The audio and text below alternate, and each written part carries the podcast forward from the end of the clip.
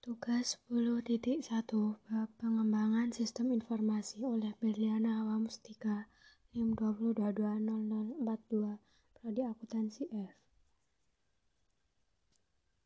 Apa saja langkah-langkah dalam metodologi SDLC?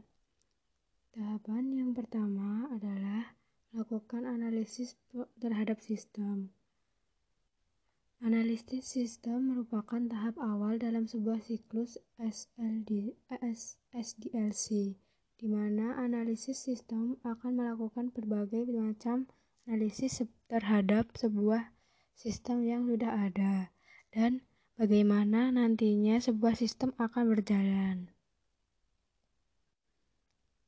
Tahap kedua pada siklus SDLC adalah tahapan spesifikasi dari kebutuhan sistem. Pada tahap ini, seluruh hasil analisis yang dilakukan pada tahap pertama akan dikaji lebih mendalam untuk mendapatkan spesifikasi yang dibutuhkan dalam pengembangan sebuah sistem. Tahap berikutnya dari siklus SDLC adalah sebuah pengembangan, adalah perancangan terhadap sistem. Tahap ini merupakan tahap di mana seluruh hasil analisa dan juga hasil pembahasan mengenai spesifikasi sistem diterapkan menjadi sebuah rancangan atau cetak biru dari sebuah sistem. Tahap berikutnya dari tahap SDLC adalah tahap pengembangan sistem. Tahap pengembangan sistem ini merupakan tahap di mana rancangan atau cetak biru sistem ini mulai dikerjakan dan dibuat atau diimplementasikan menjadi sebuah sistem yang utuh dan dapat digunakan.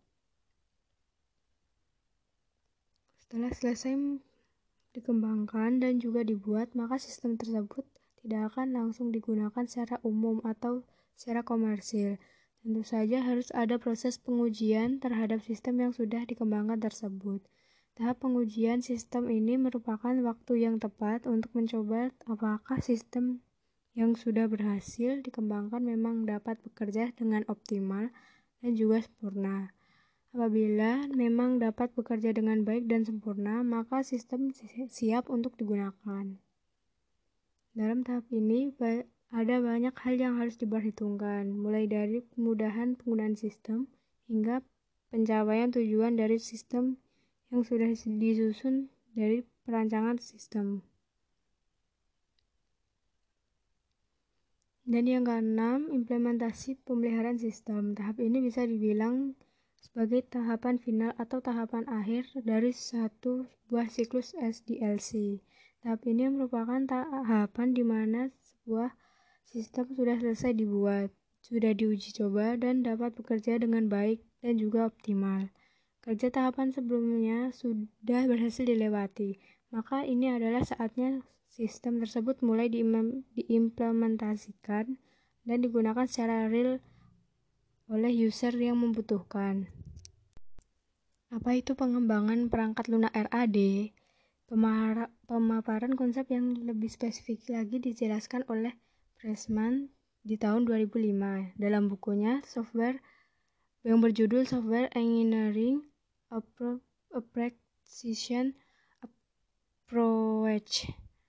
Ia mengatakan bahwa RAD adalah proses model perangkat lunak inkremental yang di, yang menekankan siklus pengembangan yang singkat.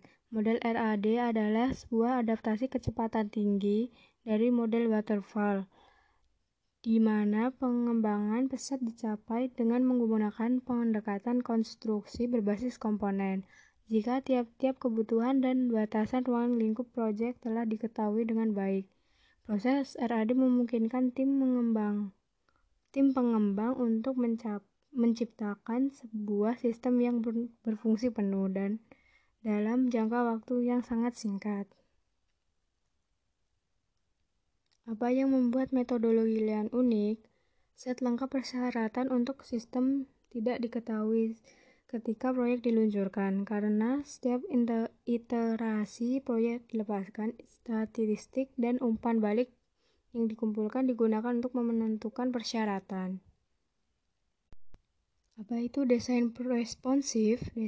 Responsive design atau desain responsif adalah pendekatan desain yang memungkinkan situs atau aplikasi web halaman tersebut menampilkan atau pada sebuah perangkat dan ukuran layar dengan cara secara otomatis beradaptasi ke layar.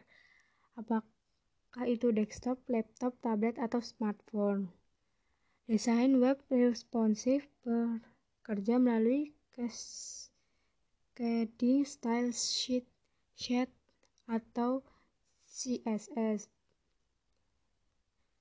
Ini menggunakan berbagai pengaturan untuk menyajikan properti gaya yang berbeda, tergantung pada ukuran layar, orientasi, resolusi, kapabilitas, warna, dan karakteristik lain dari perangkat pengguna. Beberapa contoh properti CSS yang terkait dengan desain web responsif termasuk view report, dan media query.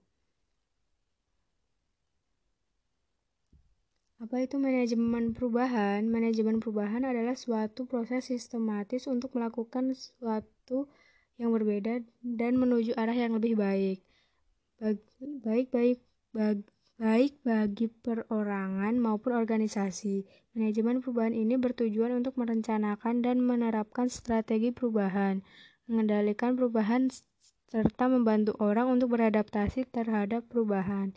Dan tentunya, perubahan yang dimaksud di sini adalah perubahan yang bergerak maju ke depan dengan berbagai inovasi dan pembaruan proses untuk mencapai efisiensi operasional organisasinya. Sekian dari saya, terima kasih.